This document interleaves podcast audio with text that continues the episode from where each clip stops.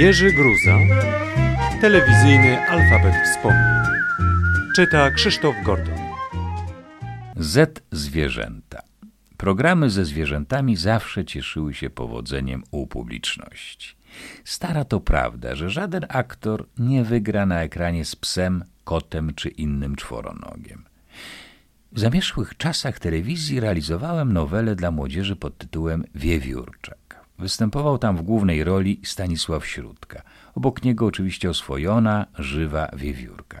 W telewizji na żywo nie było możliwości powtórzenia czegokolwiek i musiało się być przygotowanym na każdą ewentualność.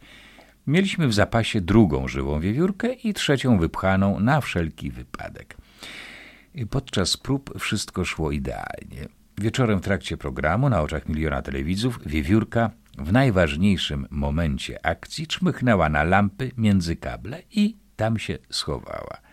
Śródka nie stracił refleksu i próbował ją zwabić proszącym wołaniem i kuszeniem orzechami. Nic, żadnej reakcji. Inspicjentka czołga się po podłodze, trzymając w ręku następną wiewiórkę, która kąsa ją w palec, ale dzielnie dociera do aktora i podaje mu dublerkę. Akcja ruszyła dalej, ale tylko na chwilę. Następna daje dyla. Podano mu wreszcie spokojną, bo martwą wiewiórkę i scena potoczyła się gładko. Aktor tak manewrował wypchaną, że wyglądała jak żywa. Wszystko by się dobrze skończyło, gdyby zwabiona orzechami nie wróciła na plan ta pierwsza. Po chwili zjawiła się druga. Trzech wiewiórek równocześnie już ani scenariusz, ani sens całego przedstawienia nie wytrzymał.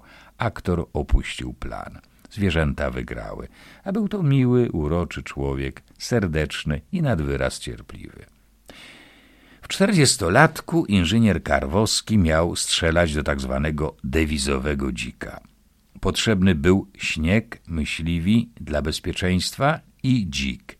Śnieg spadł, warszawskie koło myśliwych stawiło się w komplecie, dzik razem z treserem jechał przez tydzień z krakowskiego zoo.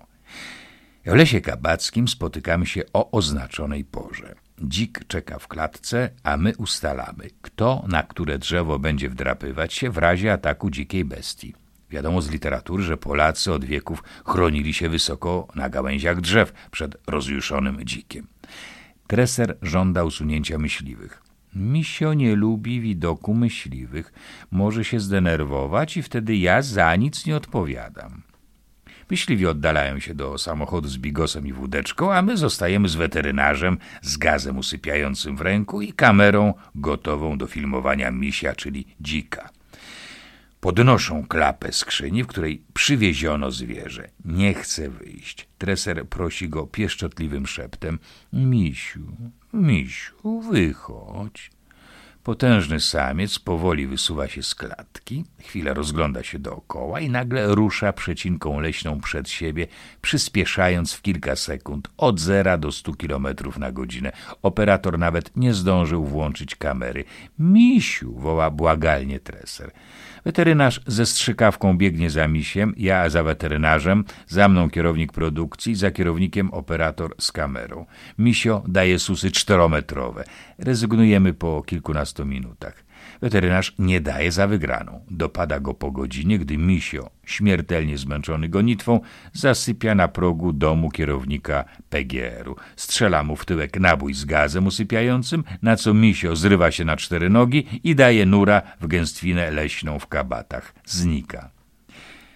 Dobrze, że nie było przy tym policji, jak przy łapaniu tygrysów ostatnio w Warszawie.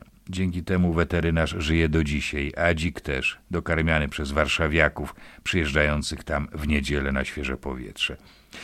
I potrzebną scenę polowania do czterdziestolatka nakręciliśmy już z innym osobnikiem w parku otaczającym dawną willę towarzysza Bieruta w Konstancinie. Niestety, pod koniec zdjęć dzik znalazł dziurę w ogrodzeniu, wyrwał się na ulicę kurortu, staranował Wartburga, przewrócił syrenkę i przestraszył dwie zakonnice – Musiałem się tłumaczyć przed matką przełożoną.